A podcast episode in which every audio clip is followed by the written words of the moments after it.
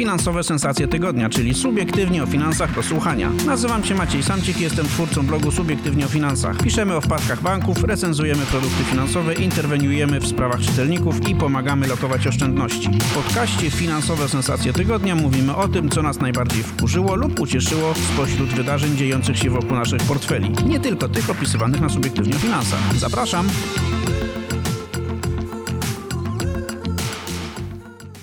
Kochani, witam Was serdecznie w kolejnym odcinku podcastu Finansowe Sensacje Tygodnia.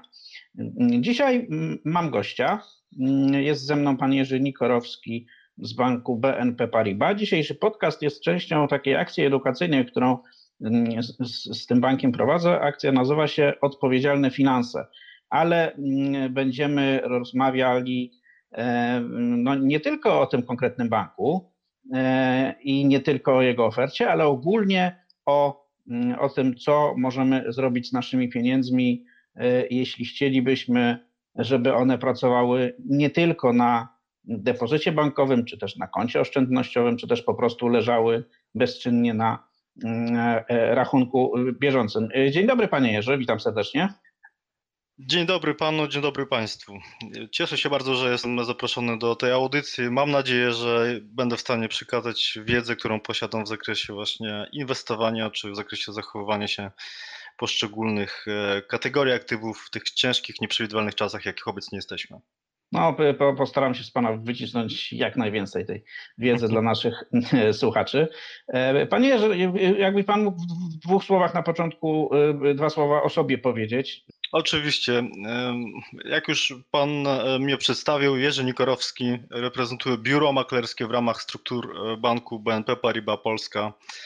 E, w ramach biura maklerskiego jestem odpowiedzialny za szereg zespołów, między innymi za zespół, który opracowuje rekomendacje i strategie inwestycyjne dla klientów detalicznych, czyli że jesteśmy komórką w ramach banku, która tworzy pomysły inwestycyjne i rozwiązania e, dla klientów e, naszego banku. Poza tym jestem posiadaczem tytułu i licencji maklera papierów wartościowych, doradcy inwestycyjnego nadawany przez KNF oraz tytuł CFA, czyli że odpowiednik doradcy inwestycyjnego tylko na rynkach amerykańskich. Czyli to już nas podprowadza pod, pod sugestię, że głównym tematem naszej, naszej dzisiejszej rozmowy będą rynki kapitałowe.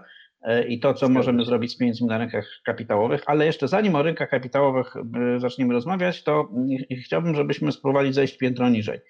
E, czyli do, mm, spróbowali się zatrzymać w portfelu klienta, który jest, no ma swoich tam 20 tysięcy, albo 30, albo 40 tysięcy oszczędności, trzyma je w banku i widzi, że inflacja wynosi 5% w skali roku i się zastanawia, czy w tym banku zostać, czy ewentualnie mm, spróbować e, czegoś innego, no, ale się boi. Boi się, bo będzie się wahało, bo nie ma pewnego zysku, bo może być krach i można stracić pieniądze. Bankowcy mają w swoich portfelach z kolei swoich propozycji, wśród swoich propozycji takie mm, oswajające z rynkiem kapitałowym e, mm, usługi, jak na przykład, nie wiem, fundusz z lokatą, czy lokata z funduszem, czyli taki miks, część pieniędzy kładziemy na lokacie, a część kierujemy do funduszu, albo produkty strukturyzowane, czyli tak. e, no coś, co, co mm, daje szansę na zysk, ale z drugiej strony gwarantuje, że się nie straci. Oczywiście ten zysk jest nieduży, bo, no bo wszędzie, gdzie, tam gdzie jest gwarancja, że się nie straci, to trudno powiedzieć, żeby, trudno to zagwarantować jakiś wysoki zysk. I o, o, te, o tego typu produkty chciałbym Pana najpierw zapytać, czy to jest Pańskim zdaniem jakiś pomysł na to, żeby się oswajać z rynkiem kapitałowym, czy też raczej nie? Jeśli mówimy o tym pierwszym produkcie, czyli o funduszu z lokatą, czy tam lokacie, lokacie z funduszem, to ja nigdy tego nie lubiłem, powiem szczerze, ponieważ dość często się zdarzało, że w ramach takiego kontraktu klient był no, zobowiązany do tego, żeby tę część funduszową położyć w, w, jakby w ryzykownym funduszu, w czymś, co się mocno waha. I w związku z tym, jakby mimo, że to się nazywało lokata z funduszem, to tak naprawdę 90% wyniku zależało od tego, co się będzie działo z tym funduszem, no a, a, a ludzie e, no, nie zawsze byli tego świadomi, im się wydawało, że to jest pół na pół, więc ryzyko też jest pół na pół, więc to wcale nie jest takie niebezpieczne. Ostatnio tych produktów trochę, one się trochę poprawiły. W kilku bankach znalazłem takie lokaty z funduszem, w którym ta część funduszowa jest, może być inwestowana w takie fundusze, które się stosunkowo mało wahają, są stosunkowo bezpieczne. Więc powiedzmy, że ryzyko takiego pakietu jest stosunkowo nieduże, ale i, i, i to, no to jestem w stanie zaakceptować tego, tego typu produkt. Natomiast bardzo jestem ciekaw, co Pan o tym myśli. Czy Pan by wchodził na rynek kapitałowy, no, tak jest, skacząc na głęboką wadę, czyli rzeczywiście wziąć 10% swoich pieniędzy i pójść do biura maklerskiego i kupić jakieś akcje, ETF-y, czy też y, jakiś jeszcze bardziej wysublimowany produkt finansowy.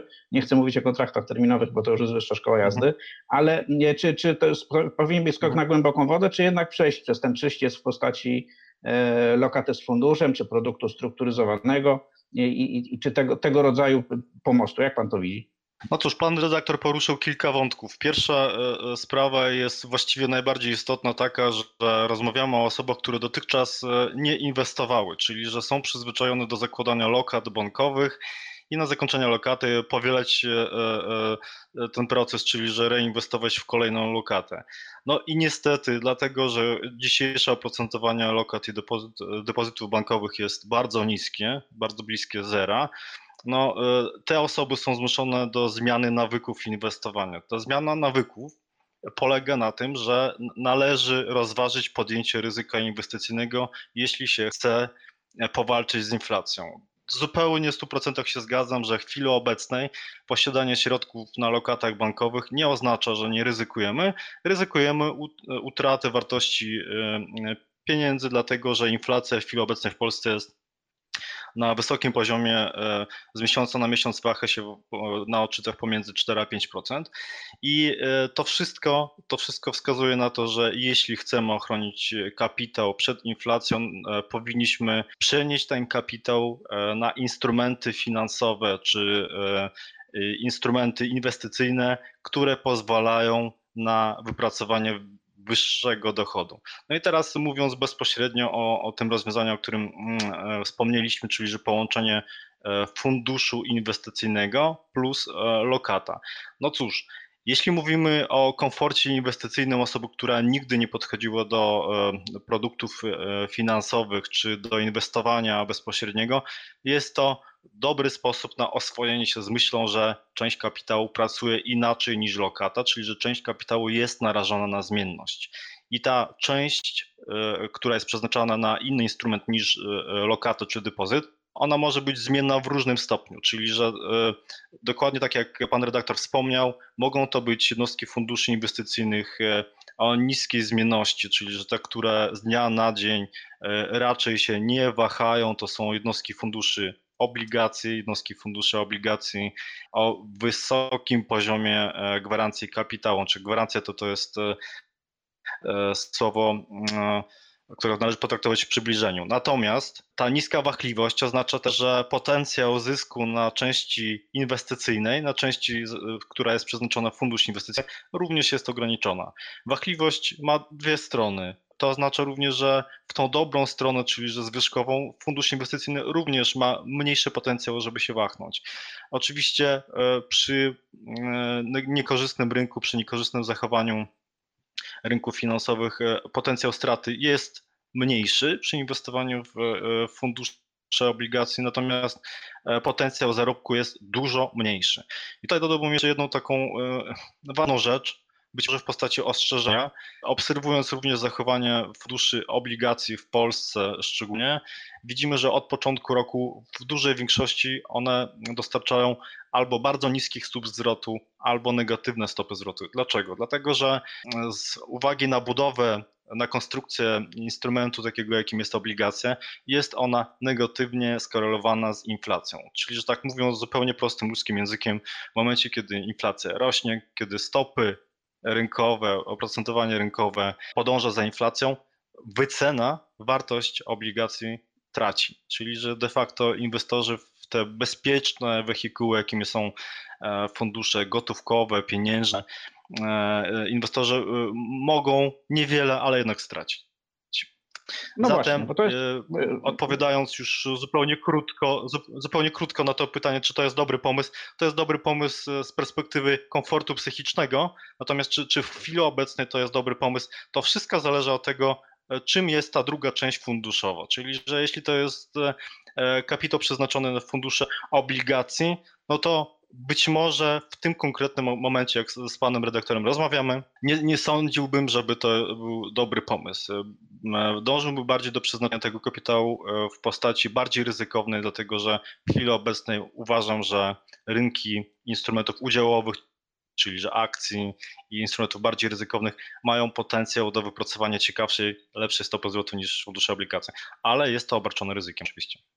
No właśnie, czyli mamy do, do, dość taką e, nie, niestandardową sytuację na rynkach kapitałowych, mianowicie coś, co z reguły jest takim e, e, pomostem pomiędzy depozytem bankowym, czyli całkowitym bezpieczeństwem, gwarancją, ochroną nominalnej wartości oszczędności, a tym klasycznym rynkiem kapitałowym, gdzie wszystko się waha. Ten pomost, którym normalnie były fundusze obligacji, on nie działa niestety nie działa z tych przyczyn, o których Pan wspomniał, tak? czyli, czyli tego, że no, to, to, tego typu fundusze najbardziej się opłacają dopiero jak się spodziewamy wysokiej inflacji, a nie wtedy, kiedy ona już jest. I w związku z tym, jeśli rozumiem, Pan namawia do tego, żeby jednak y, w tym konkretnym momencie spróbować większej wahliwości. Natomiast E, no to panie redaktorze, jeśli mogę, jeśli mogę przerwać i dołączyć jeszcze do tego mhm. wątku, e, co bym proponował, no to, to jakby jedna rzecz, którą e, osoba nieprzyzwyczajona do inwestowania po, powinna móc rozważyć, to jest zmiana poziomu agresywności, czyli że tego ryzyka portfela, to jest jedna rzecz, ale istnieje również drugie rozwiązanie, które jest być może bardziej odpowiednie dla, które naprawdę nie tolerują strat. Jest to rozwiązanie, o którym również wspomnieliśmy kilka minut wcześniej, to jest rozwiązanie poprzez inwestowanie w produkty I tutaj rynek bankowy oferuje szereg rozwiązań, które e, różnią się od lokat strukturyzowanych poprzez certyfikaty strukturyzowane. I w przypadku w większości banków w Polsce, również w przypadku naszego banku, oferowane są produkty, które dają pełną gwarancję kapitału na zakończenie inwestycji, ale kosztem w tym momencie jest koszt zamrożenia kapitału na dłuższy okres. Czyli, że w przypadku produktów, które gwarantują zwrot i pozwalają na założenie, że, że e, e, ta inwestycja przyniesie wyższy dochód niż, niż inflacja, e, oznacza to, że, że kosztem w przypadku tych inwestycji jest zamrożenie kapitału na okres dłuższy niż rok, często dłuższy niż 2-3 lata. E, I to jest opcja bardzo często wykorzystywana właśnie w przypadku e, naszych klientów, którzy szukają bezpiecznej inwestycji, ale dużo bardziej powiedzmy dynamicznej, jeśli chodzi o dochód niż, niż oprocentowanie na lokacie.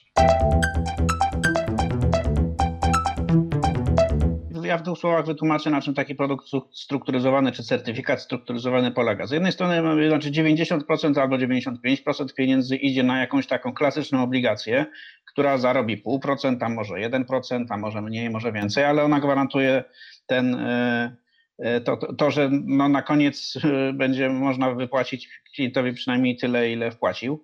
Natomiast pozostałe tam 5 czy 10% mm, kapitału idzie na bardzo ryzykowną opcję, która charakteryzuje się tym, że jeśli się obstawi dobry scenariusz, no, jeśli to jest opcja y, walutowa, no to mówimy o zmianach, y, y, o obstawieniu jakiegoś scenariusza na rynku walutowym. Jeśli to jest opcja na jakieś zmiany jakiegoś indeksu giełdowego, to, to obstawiamy hossę albo bessę. Jeśli, ten do, jeśli się zrealizuje dobry scenariusz, to ta ten kawałek pieniędzy zainwestowany w opcje, on zyskuje na wartości kilkukrotnie nawet. No i dzięki temu ten klient może dostać te nawet kilka procent dodatkowego mm, zysku. Natomiast jak się e, scenariusz nie uda, znaczy nie obstawimy właściwego, no to wtedy opcja jest bezwartościowa. No i wtedy klient y, właściwie dostaje tylko tyle, ile wpłacił, no bo te pieniądze, te 90 kilka procent pieniędzy y, zainwestowanych w obligacje pozwala bankowi wypłacić przynajmniej tyle, ile klient wpłacił. Tak, nie ma tego zysku od, tych, od, tej, od tego kawałka szaleństwa. No i ja do, od razu bym pana zapytał, bo tych, wśród tych różnych certyfikatów strukturyzowanych, one się dzielą generalnie na dwa rodzaje. Z jednej strony są to certyfikaty czy też y, produkty strukturyzowane oparte na walutach, na rynku walutowym. One są zwykle trochę bardziej krótkoterminowe, czyli zakładamy się o to, że nie wiem, w ciągu 6 miesięcy albo w, w ciągu 12 miesięcy kurs euro y, nie spadnie poniżej albo kurs euro nie wzrośnie powyżej jakiegoś poziomu. No i jest druga część, Drugi, druga kategoria tego typu produktów, bardziej długoterminowych, to są takie, gdzie mamy inwestowanie w jakiś indeks, w jakieś akcje czy w jakiś portfel akcji i wtedy mówimy, że w ciągu czterech lat, jeśli wszystkie spółki z tego portfela pójdą w górę, no to wtedy klient dostaje tyle, a tyle, a jeśli nie pójdą w górę, no to wtedy nie dostaje. Lub też jeśli jakiś indeks pójdzie w górę, to klient zarobi te kilka procent w skali roku, a jak nie pójdzie w górę, to nie zarobi.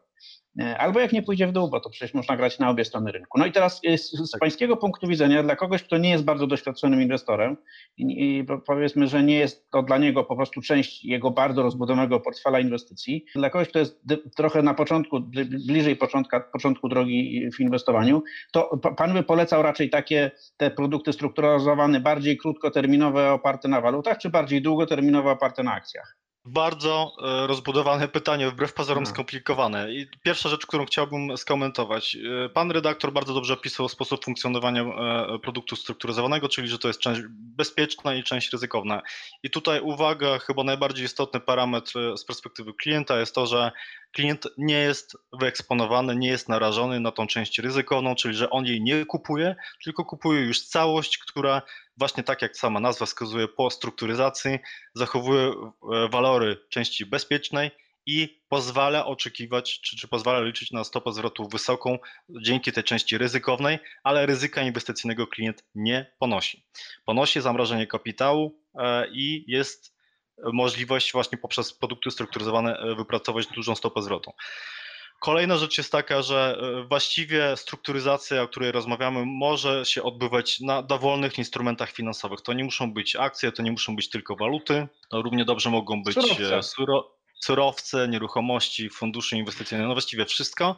Wszystko, co jest płynne, czyli że co można bez wielkich ograniczeń kupić i sprzedać.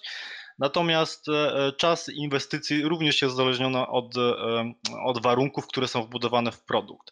I teraz prawda jest dosyć prosta. Im dłuższy jest czas inwestycji w produkt strukturyzowany, tym lepsze są jego parametry. Czyli, że czym są parametry? To może być wyższy kupon, który może, się, może być wypłacany w przypadku pozytywnego scenariusza.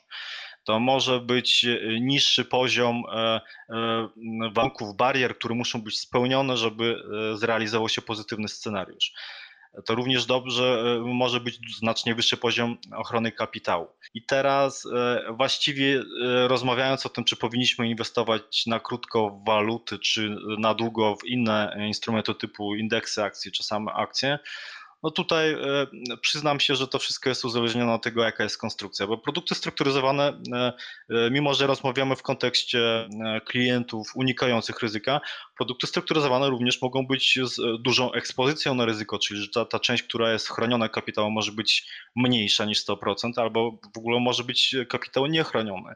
Więc w przypadku osób tolerujących ryzyko, czy, czy poszukujących ciekawszych, wyższych stóp zwrotu, są również rozwiązania, które pozwalają na wypracowanie tych stóp zwrotu, ale kosztem większego ryzyka. I teraz odpowiadając na pytanie, tak, dobrze, jaką to, to, to, formę inwestowania bym wolał.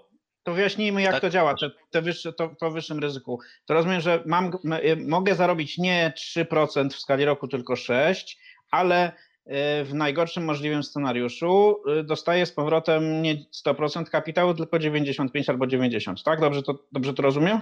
Właściwie to y, na tym polega magia produktów strukturyzowanych, że y, formuł wypłat jest nieskończona ilość, czyli że są również produkty strukturyzowane, które nie chronią kapitału wcale, bądź chronią go pod pewnym warunkiem, czyli że na przykład e, kapitał jest e, zwracany w 100% pod warunkiem, że e, indeks odniesienia, na którym zbudowany jest produkt, nie obniży się w wycenie bardziej niż o 40%, co E, co zdarza się bardzo rzadko, natomiast się czasem zdarza. Natomiast taki produkt e, potrafi zaproponować klientom stopy zwrotu w skali roku nie 6%, tylko 20 albo 30%. Więc jakby to wszystko jest proporcjonalne do poziomu akceptowanych e, strat i oczekiwanych zysków.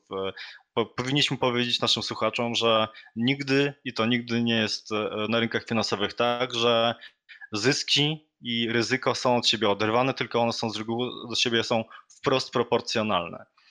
I, I teraz e, e, mówiąc o e, możliwościach poprzez inwestycje w produkty strukturyzowane, osobiście wolałbym inwestować w produkt strukturyzowany, który ma sobie taką konstrukcję, która pozwala na wcześniejsze wyjście z inwestycji, czyli że pozwala na e, tak zwaną opcję auto zamknięcia, autocall po angielsku, czyli że jeśli rynki finansowe w okresie inwestycyjnym e, są w dobrej kondycji, idą w tym kierunku, którym chcieliśmy, żeby szły, to produkt zamiast trwać przykładowo 5-6 lat, trwa pół roku, trwa rok. I po tym okresie klient otrzymuje e, atrakcyjny kupon i inwestycja jest zakończona, czyli zwracany jest cały kapitał. I to są produkty, które, e, które przy, obecnych sytuacji, przy obecnej sytuacji na rynkach akcji są bardzo i to bardzo popularne, są często stosowane przez klientów detalicznych i są e, właśnie dobrym sposobem na to, żeby wygrać z inflacją.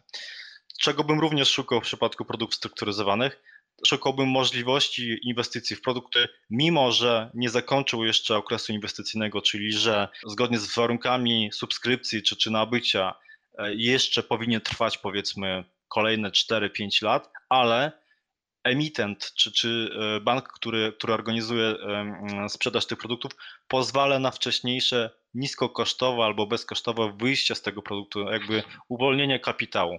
I, I często to jest możliwe w różnych postaciach, bądź to poprzez bezpośrednią transakcję z bankiem, biurem maklerskim, które ten produkt sprzedało, bądź poprzez e, giełdę papierów wartościowych. W przypadku e, produktów, o których rozmawiamy w BNP Paribas, te produkty są emitowane na GPW i właściwie każdy inwestor, który y, ma wizję taką, że chce wyjść z inwestycji wcześniej niż produkt zakłada, może bezpośrednio ten produkt sprzedać na rynku, na rynku publicznym, który jest dodatkowo jeszcze animowany, czyli że zawsze jest gwarancja, że po drugiej stronie jest podmiot, który odkupi te, te instrumenty. Więc to jest bardzo duża zaleta jak mam do wyboru produkt strukturyzowany, który jest, ma w sobie jeden prosty warunek, czyli mm, za 4 lata indeks będzie wyżej niż dziś.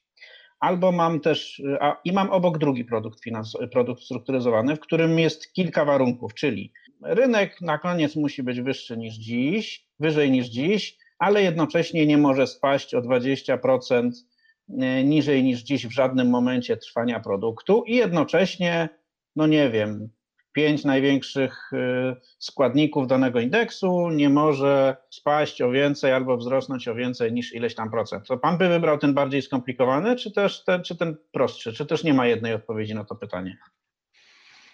Jak to zawsze w życiu bywa, prostych odpowiedzi jest mało, natomiast osobiście jestem zwolennikiem transparentnych i przejrzystych produktów przede wszystkim powinniśmy patrzeć na to, jaką strategię rynkową e, przyjmujemy. Czy przyjmujemy strategię taką, że rynek akcji w następnych latach rośnie, w następnym roku będzie wyżej niż dzisiaj. W takiej konfiguracji e, e, produkt i pierwszy, i drugi zapewne będą dobre. Natomiast jeśli mamy produkty, które mają dużą ilość skomplikowanych warunków i te warunki są e, rozbieżne, czyli że tak jak pan redaktor powiedział, że e, wzrosnąć, a jednocześnie nie spaść, a jeszcze żeby nie spaść, to, to jeszcze żeby to było przy pełni księżyca, no to wszystkie te dodatkowe warunki ograniczają możliwość po pierwsze zrozumienia produktu, po drugie wypracowania atrakcyjnych stóp zwrotu przy pełnym komforcie psychicznym. I tutaj prawda jest taka, że w momencie, jeśli chcemy budując produkt strukturyzowany, zaoferować klientom atrakcyjne warunki, powinniśmy uwzględniać więcej niż jeden prosty komponent, żeby, żeby móc te, te lepsze warunki, jak wysoki kupon, czy, czy możliwość wcześniejszego zakończenia, żeby móc te warunki dołączyć. Natomiast łatwiej i lepiej dołączyć te warunki na zasadzie prostych, łatwych do zrozumienia e, dodatkowych e, warunków, aniżeli te, o których, o których rozmawialiśmy, mnóstwo skomplikowanych, mało transparentnych i, i ciężkich do zrozumienia. Tutaj również bym zwrócił uwagę na to, że jeśli, jeśli już możemy wybierać pomiędzy różne konstrukcję, to wolałbym e, e, wybrać konstrukcję, gdzie obserwacje odbywają się nie e, obserwacje negatywne, czyli obserwacje, które wyłączają możliwość wypłat kuponu czy, czy wypłat wysokich stóp zwrotu. Jeśli te obserwacje odbywają się codziennie, a nie w okresach rocznych, rocznych czy kwartalnych, no te produkty niestety mogą mieć słabsze perspektywy wypłat dla klientów, czyli że lepiej jest ubierać obserwacje rzadsze niż częstsze.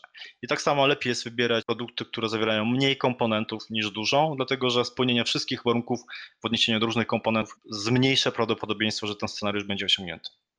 No właśnie, czyli stosujemy prostą zasadę Warrena Buffetta, prostą, ale niełatwą, czyli kupujemy tylko to, co w pełni rozumiemy, przynajmniej czego zasady działania jesteśmy w stanie objąć rozumem. Rozmawialiśmy o klientach, którzy nie mają jeszcze żadnego doświadczenia na rynku kapitałowym albo mają je minimalne. Powiedzieliśmy dwa słowa o funduszach, o funduszu z lokatą, czyli takim produkcie przejściowym.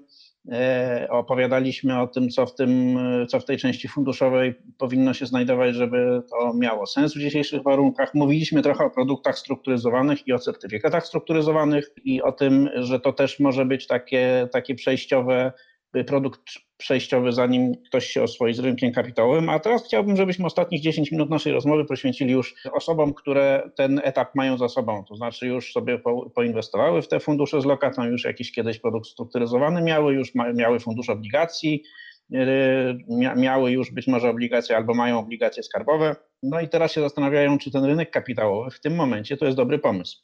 No bo tak, z jednej strony rynek, y, kupowanie dzisiaj funduszy obligacji jest y, dość ekscentrycznym zajęciem, ponieważ mamy, y, no, nie ma perspektywy na to, żeby stopy procentowe spadały.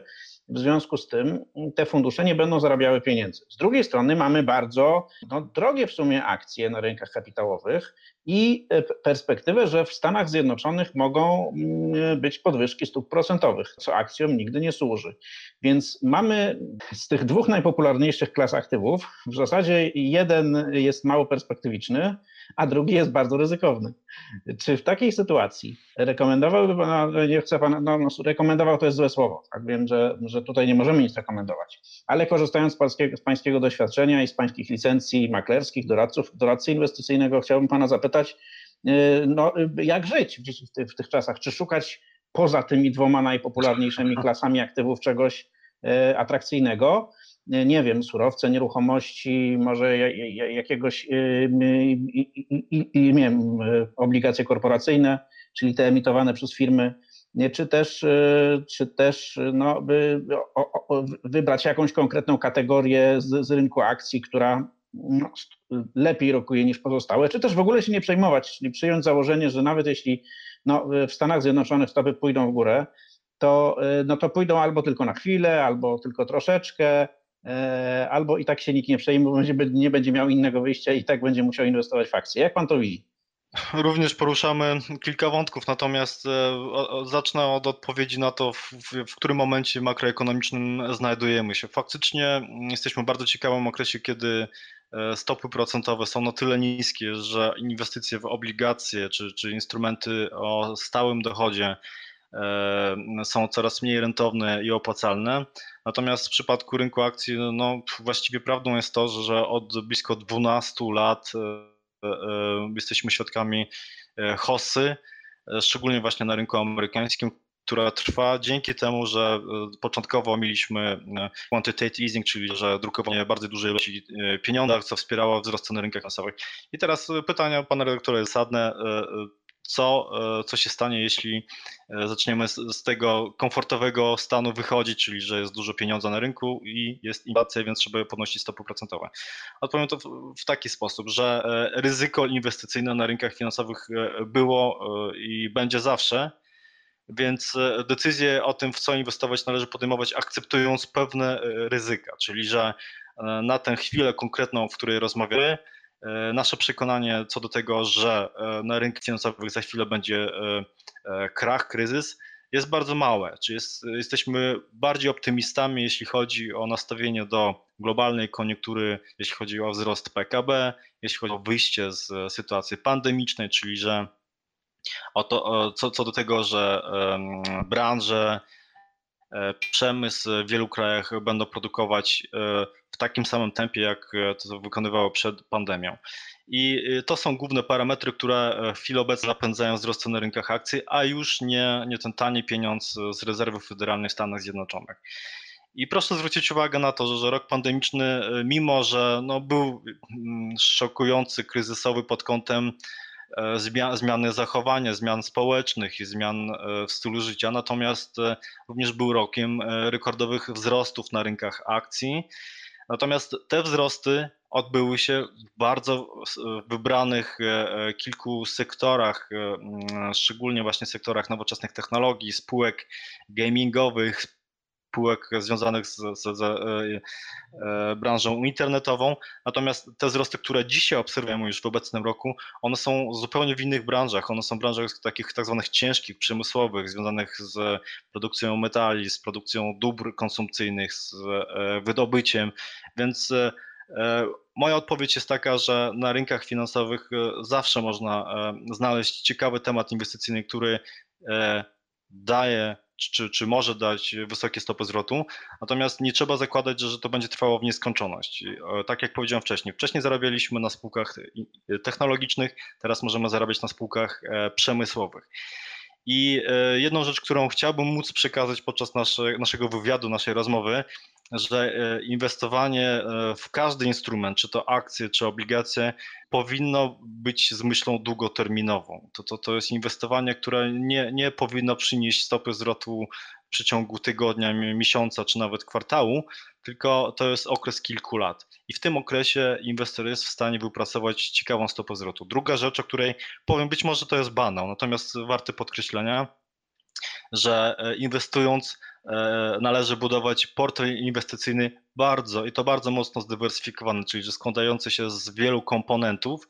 I tutaj odpowiedź dla klientów bardziej wytrawnych, czyli że przyzwyczajonych do inwestowania, e, akceptujących ryzyko, jest taka, że można również w tej chwili, przy obecnej sytuacji, zbudować portfel inwestycyjny składający się z różnych aktywów, również e, i akcji, i obligacji korporacyjnych, i produktów strukturyzowanych, ale uwaga, żeby ten portfel był naprawdę rozdrobniony, posiadał co najmniej 20 komponentów i każdy z tych komponentów byłby powiedzmy poduszką amortyzującą e, przy niekorzystnych tendencjach w innych częściach portfela. I taki portfel być może nie będzie performował, czyli że dostarczał wysokich stóp zwrotu w krótkim czasie, tak samo jak e, wystrzał na, na jednej spółce, natomiast w czasach gorszych, słabszych potrafię zamortyzować e, e, spadki. E, jeśli mówimy o klientach doświadczonych, jest ciekawa tendencja na rynku krajowym. Jest bardzo dużo osób, które obecnie zakładają rachunki maklerskie. Zakładają te rachunki, żeby po pierwsze móc kupić sobie bezpośrednio już na rachunek maklerski, bądź to obligację skarbową, która jednak daje dużo i to dużo większą rentowność i oprocentowanie aniżeli lokaty bankowe. E, kupując e, poprzez rachunek maklerski można również nabyć e, spółki krajowe, bardzo stabilne, takie spółki jak PZU, PKO SA, PKO BP, stabilne pod kątem jakości i stabilności akcjonariatu. I tutaj te spółki bardzo często płacą wysoką stopę dywidendy. Dywidenda może być w dłuższym terminie potraktowana jako substytut do oprocentowania. E, ta dywidenda w skali roku może być e, powyżej 5% e, wartości kapitału, więc i to jest ten czynnik, który, który może zamortyzować właśnie niskie oprocentowania lokat. Oczywiście, tak, rynek akcji jest ryzykowny i tutaj o tym należy pamiętać.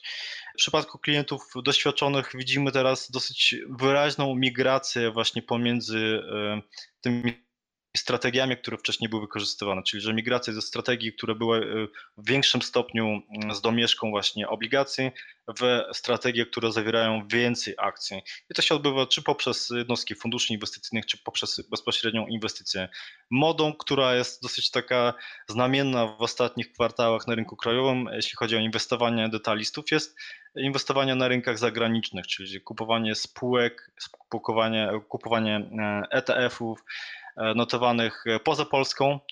I tutaj osobiście uważam, że jeśli są klienci, którzy jeszcze e, chcą rozważać właśnie inwestowanie na rynku obligacji, no to akurat właśnie ETF, czyli że instrument, który koncentruje w sobie kilkaset różnych obligacji, czy że jest dywersyfikowany już wewnętrznie, e, na rynkach zagranicznych jest w stanie dostarczyć tej, tej wyższej stopy zwrotu, aniżeli e, można sobie zrealizować poprzez kupno jednego papieru na własny rachunek. Tutaj jeśli chodzi o obligacje korporacyjne w wydaniu krajowym, to bym ostrzegał bardzo klientów, dlatego że jakość emitentów płacących wysokie kupony w Polsce jest bardzo niska, czyli że jest duże ryzyko kredytowe, czyli ryzyko upadłości, a w przypadku emitentów, którzy mają wysoką jakość, no to jednak rentowność tych obligacji niewiele się różni od, od tych skarbowych, więc tutaj idąc tropem lepszej płynności, czyli możliwości kupna sprzedaży, to bym poszedł w kierunku obligacji skarbowych. Co do nieruchomości, no cóż, no, nie jestem ekspertem z rynku nieruchomości, ale wydaje mi się, że, że mimo wielu zalet Nieruchomości mają również wiele wad. By kupić nieruchomość, to trzeba jednak mieć bardzo duży kapitał. Jeśli tego kapitału się nie posiada, no to wtedy jest to zobowiązanie kredytowe, które jest jednak dużym obciążeniem na co najmniej kilkadziesiąt lat dla poszczególnych osób.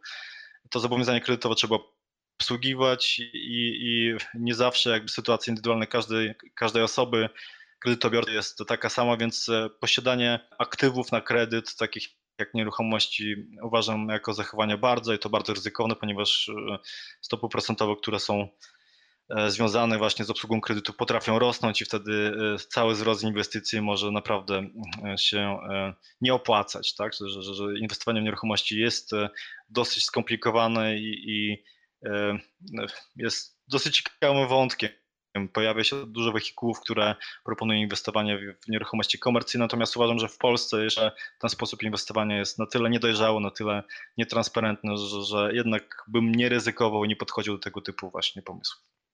No tak, ja bym jeszcze dodał, jeśli chodzi o nieruchomości, że to jest jednak e, rzecz, która niesie ze sobą duże koszty stałe, to znaczy jeśli nie, nie udaje nam się uzyskać e, sensownej stopy zwrotu z najmu, to, no to, to jednak te, te kilka procent w skali roku wartości nieruchomości trzeba poświęcić na to, e, na e, koszty zarządzania tą nieruchomością i, i powiedzmy koszty rachunków comiesięcznych i czynszu. Chciałbym jeszcze Pana zapytać na koniec o surowce, bo mamy za sobą kilkadziesiąt, kilkudziesięcioprocentowy wzrost cen wszystkich najważniejszych surowców. E, no on w stosunkowo małym stopniu dotyczył rynku złota ostatnimi czasy. Czy z Pańskim zdaniem to jest coś, co, o, o co warto wzbogacić portfel inwestycji w tym momencie, w takiej perspektywie dwóch, trzech najbliższych lat, nie jakiejś bardzo długoterminowej, czy też już jakby większa część tego wzrostu albo wręcz całość jest już e, za nami? Chciałbym podkreślić jedną rzecz. E, inwestowanie poprzez różne wehikuły na rynku surowców jest bardzo ryzykowne. Co do zasady, e, wahliwość, czyli że to, to, to ryzyko, o którym rozmawialiśmy na samym początku rozmowy, e, e, zmienność na rynku surowców jest wyższa niż na rynku akcji. I tutaj w momencie, jeśli rozmawiamy o inwestowaniu na rynku surowców, powinniśmy wiedzieć, że najczęściej to, co jest dostępne na rynku krajowym i z, reguły na rynkach zagranicznych dla klientów detalicznych, co jest nazwane jako inwestycje w surowce, w rynek towarowy, nie jest 100% tym.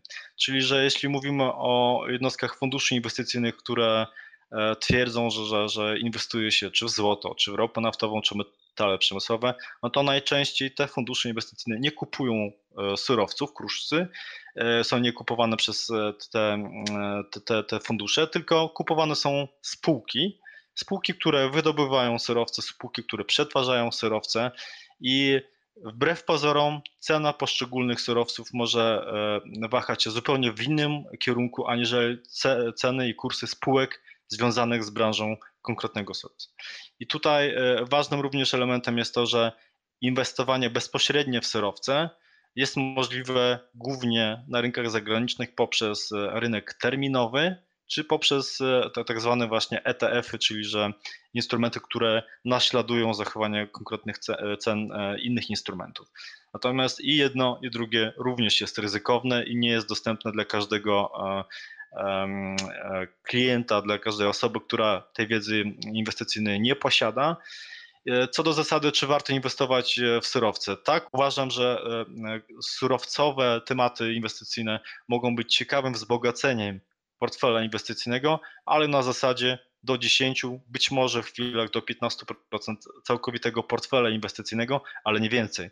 No tak, to, to jest cenna uwaga. Teraz wszyscy są zainspirowani wzrostami cen surowców, a to, e, a to wbrew pozorom jest inwestycja dla nieco bardziej doświadczonych mm, inwestorów. Wspomniał Pan o ETF-ach, które otwierają drogę do różnych Mm, do inwestowania w różne rzeczy, które są no, trudno dostępne dla polskich inwestorów. Czy w biurze maklerskim BNP Paribas macie te ETF-y?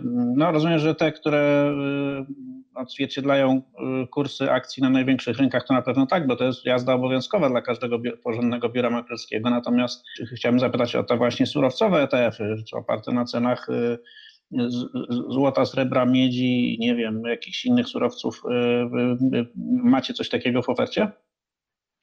W ogóle i, i jak wygląda rynek ETF-ów, jeśli, czy tam, no nie wiem, oferta ETF-ów w, w biurze maklerskim BNP Paribas, to tak na koniec już zamykając naszą, naszą rozmowę. Panie redaktorze, rozmawiając o ETF-ach powinniśmy pamiętać, że to nie jest produkt, który jest oferowany bezpośrednio przez e, pośrednika, jakim jest każde biuro maklerskie, tak samo jak nasze. ETF jest instrumentem notowanym na konkretnym rynku, na konkretnej giełdzie e, i najczęściej to są giełdy zagraniczne. Czyli, że tak, oczywiście w naszym biurze maklerskim mamy dostęp do rynków zagranicznych, mamy dostęp do wielu giełd zagranicznych, na których są notowane ETF-y. I na tych giełdach, takich giełdach jak e, NYSE, Nasdaq czy, czy Euronext, są ETF-y, które również podążają za cenami surowców. I te rozwiązania są dostępne w naszej ofercie. Staramy się unikać i, i to, to komunikujemy bezpośrednio naszym klientom inwestycje w ETF-y, które są e, nietypowe, czyli że cena ETF-ów może się wahać trzykrotnie bardziej niż e, surowce konkretnego czy instrumentu, do którego jest przywiązany. I to są tak zwane ETF-y zlewarowane, czyli że, które mają również w sobie wbudowany element instrumentów pochodnych. I tego typu inwestycje oczywiście unikamy, natomiast e, owszem, w przypadku klientów, którzy posiadają dostęp do rynków zagranicznych, mogą również na rynkach zagranicznych nabyć ETF-y, które są e, oparte na rynku surowcowym. I tutaj dodałbym jeszcze jedną rzecz, że w przypadku klientów, którzy nie chcą, nie znają, nie lubią inwestować na rynkach zagranicznych bezpośrednio na rachunku maklerskim. Jest możliwość e, wyeksponowania się jakby na ten segment poprzez produkty strukturyzowane, które jednak są dużo prostszym e, wehikułem, e, które również mogą być oparte na, na temacie surowcowym. No to, to, to, to również jakby kwestia wyjścia na rynki zagraniczne to jest kwestia świadomości inwestycyjnej każdego poszczególnego klienta, każdej osoby i rozmawiając z naszymi klientami, tłumaczymy wszystkie ryzyka, które mogą być związane z rynkami zagranicznymi, ponieważ one są inne niż przy inwestowaniu na, na GPW w Warszawie. No właśnie, czyli to, to jest bardzo ważna uwaga, którą Pan e, na końcu powiedział, czyli żeby trochę, żeby w jakiś sposób być w zgodzie z, z własną naturą i z własną świadomością i z własnym poziomem wiedzy, nie rzucać się na główkę do basenu, w którym nie wiemy, czy jest woda, tylko Dokładnie. dlatego, że wszyscy się rzucają, bo teraz jest taka moda. E, raczej starajmy się po prostu e, no, zdobywać doświadczenia we własnym tempie. Oczywiście zapraszamy te, między innymi na rynek ETF-ów i jak, e, jak rozumiem w waszym biurze, biurze maklerskim dostępne są wszystkie, które których dusza może zapragnąć, które są notowane po prostu na najpopularniejszych zagranicznych giełdach, ale ale z tym, że wszakże zastrzeżeniem, że e, właśnie we własnym tempie i bez ślepego podążania za owczym pędem czy za modą. Panie Jerzy, bardzo Panu dziękuję za dzisiejszą rozmowę. E, myślę, że, że to było dla, dla nas wszystkich e, pouczające. Zdobyliśmy kilka informacji praktycznych, które mam nadzieję przydadzą nam się w lokowaniu naszych oszczędności. Dzięki serdeczne za tę rozmowę, no i do, do następnego razu. Dziękuję pięknie panie redaktorze, dziękuję państwu. Do usłyszenia a ja zapraszam Was na, do kolejnego odcinka finansowych sensacji tygodnia już za tydzień. Dziękuję. Inne odcinki tego podcastu znajdziesz na stronie Subiektywnie o Finansach www.subiektywnieofinansach.pl. Zapraszam.